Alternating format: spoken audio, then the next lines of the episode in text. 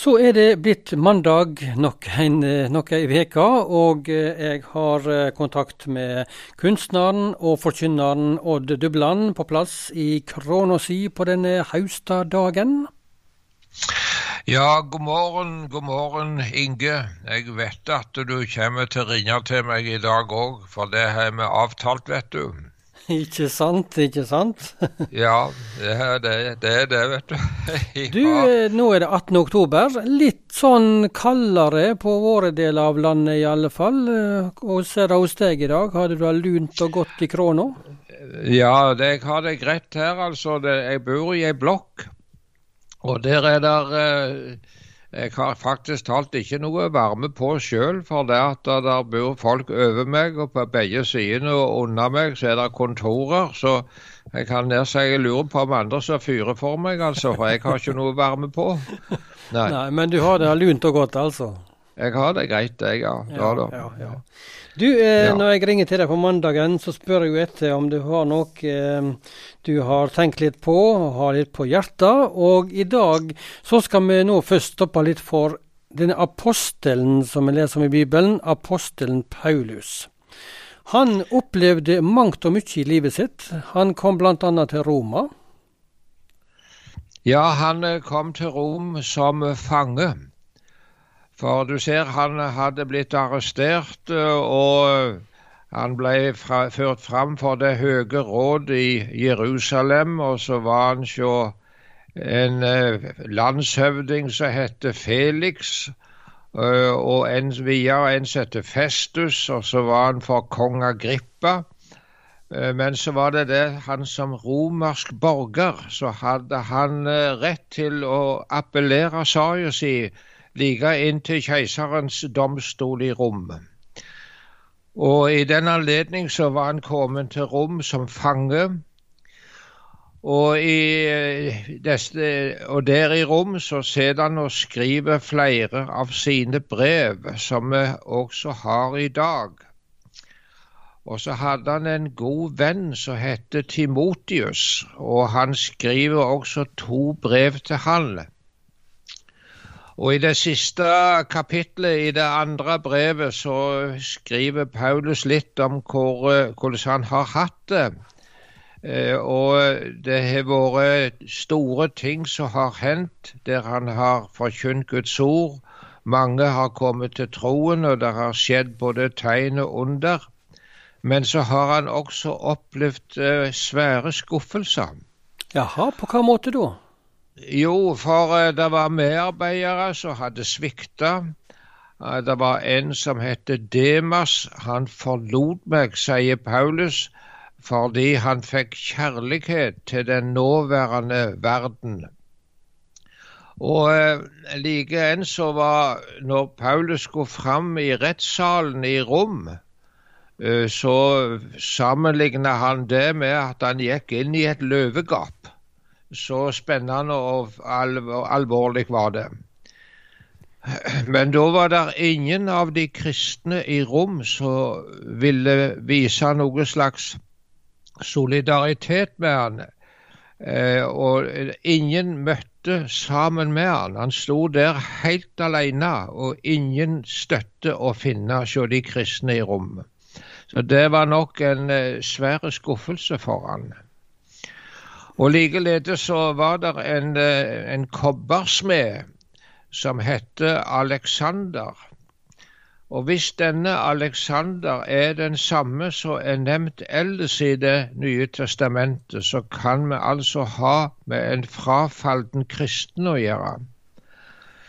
Og denne Alexander, som Paulus skriver om her, han sto hardt imot våre ord, sier han. Altså, der Paulus sto fram og forkynte Guds ord, der hadde han nær sagt Alexander sto opp og protesterte på det som ble sagt.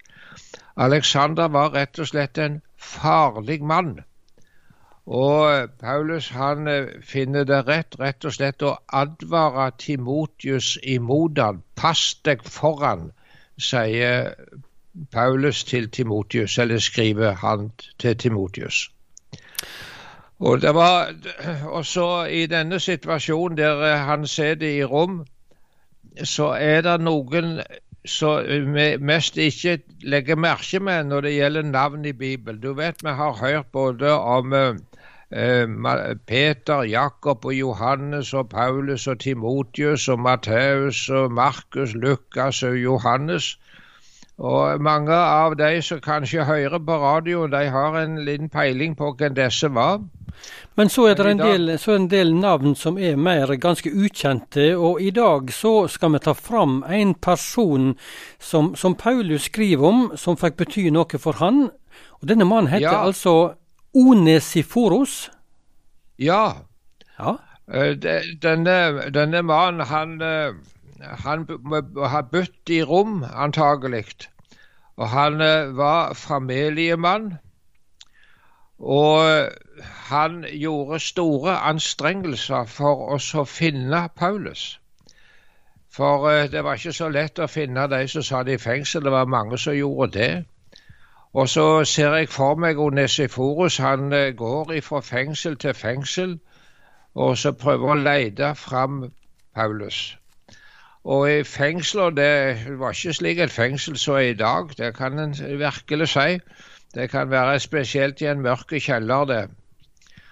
Og han, denne Oniseforus, han, han skjemtes ikke å gå i fengsel for å lete etter Paulus. Han skamma seg ikke over lenkene mine, sier Paulus. Ja, det sier han altså, rett og slett. Ja, ja. ja.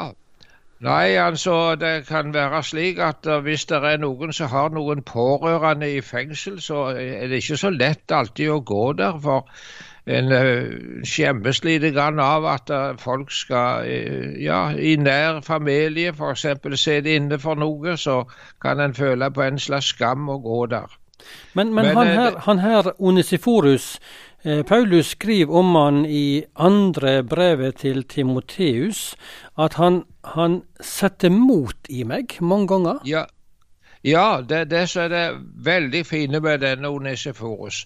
For Paulus han eh, kan godt tenke han, var, han hadde det tunge, tunge stunder når det var så mange ting som gikk imot, og vanskelighetene tårna seg opp. Og så kommer denne Onesiforus og gir seg store umag med å finne denne apostelen Paulus. Og han skjemtes ikke av lenkene mine. Han har mange ganger sett mot i meg, sier apostelen. Og det er veldig fint, det. Du, hva, hva, type, hva, type, var dette her, denne Onesiforus eh, som, som menneske, tror du? Jeg vet ikke, kanskje han var en liten stil, en stillferdig person som øh, gjorde en stille tjeneste på den måten. Men øh, jeg syns av og til òg at det er godt sjøl òg å møte folk som har evnen til å sette mot i oss. Ikke sant? Ja, ikke sant. ja. Og på, på hvilken måte kan, kan, det være at det dømmes? Nei, altså vi kan alle komme inn i tider når vi ser mørkt på ting. og og slik. Og så møte folk da som setter mot i oss. Det er, det er, denne, denne Onesiforus han var faktisk talt familiemann. Og uh, Paulus han ønsker det at Gud må vise store miskunn imot nettopp familien til Onesiforus. Og, og så tenkte jeg på det vi, vi kan være mennesker òg, vi som bare drar ned eh, og gjør det vanskelig og setter mismot i oss. Det kan vi òg eh, oppleve. Jeg har brukt et bilde på radioen flere ganger, så noen har hørt.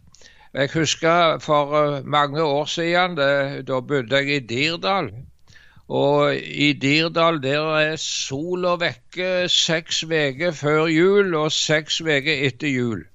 Så vi har ei slags mørketid. Og så var det en dag i, uh, i februar, tror jeg det var. Uh, Sola plutselig brøt gjennom i, et i et skar i fjellet. Og så skein hun inn i kjøkkenet hos oss. Og så, og så sier jeg det til kona mi Johaldis. Nei, sjå, der er sola. Men du vet, hun sa det så hadde nær sagt alle skikkelige husmødre sier slik ei stund. Nei, sjå de skitne vinduene. ja, sant. ja, ja. Og så er det da spørsmål er vi folk som ser sola, eller er vi bare slike som klager og syder over alt som går oss imot? Og her er det Onesiforus, han er et fint forbilde. Han har mange ganger sett mot i meg, sier Paulus.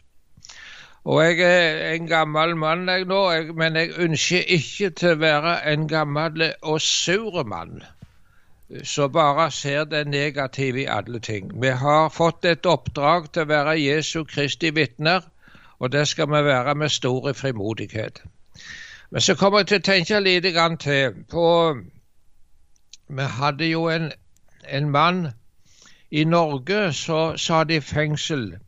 Ikke fordi at han var en voldsmann eller en drapsmann eller en vinningsforbryter eller seksualforbryter, og han sa det ikke inne for å ha stjålet noe fra andre.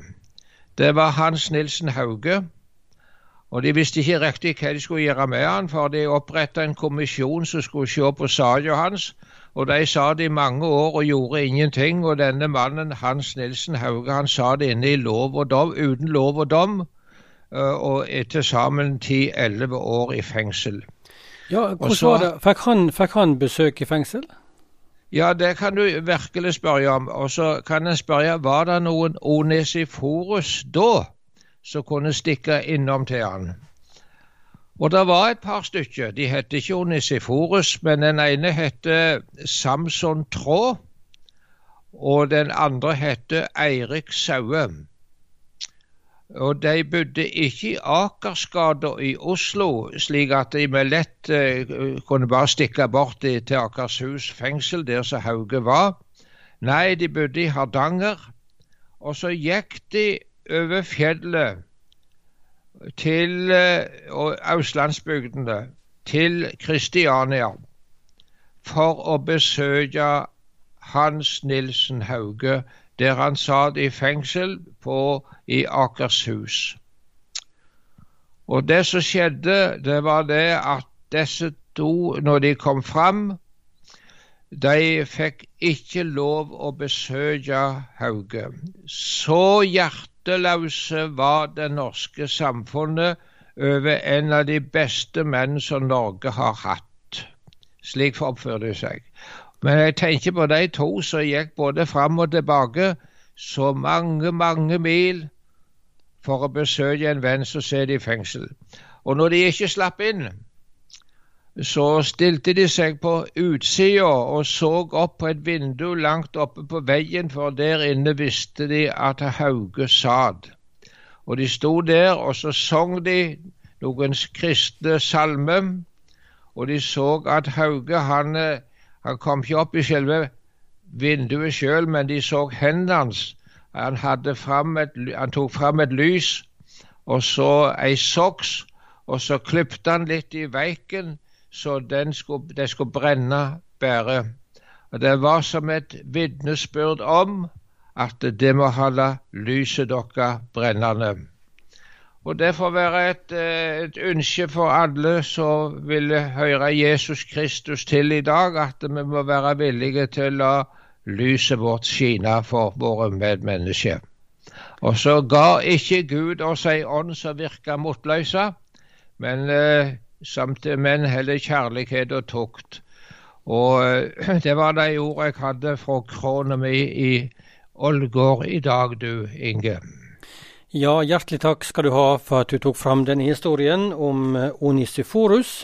Og den kan du lese om i andre brevet som apostelen Paulus skrev til Timoteus, kapittel 1.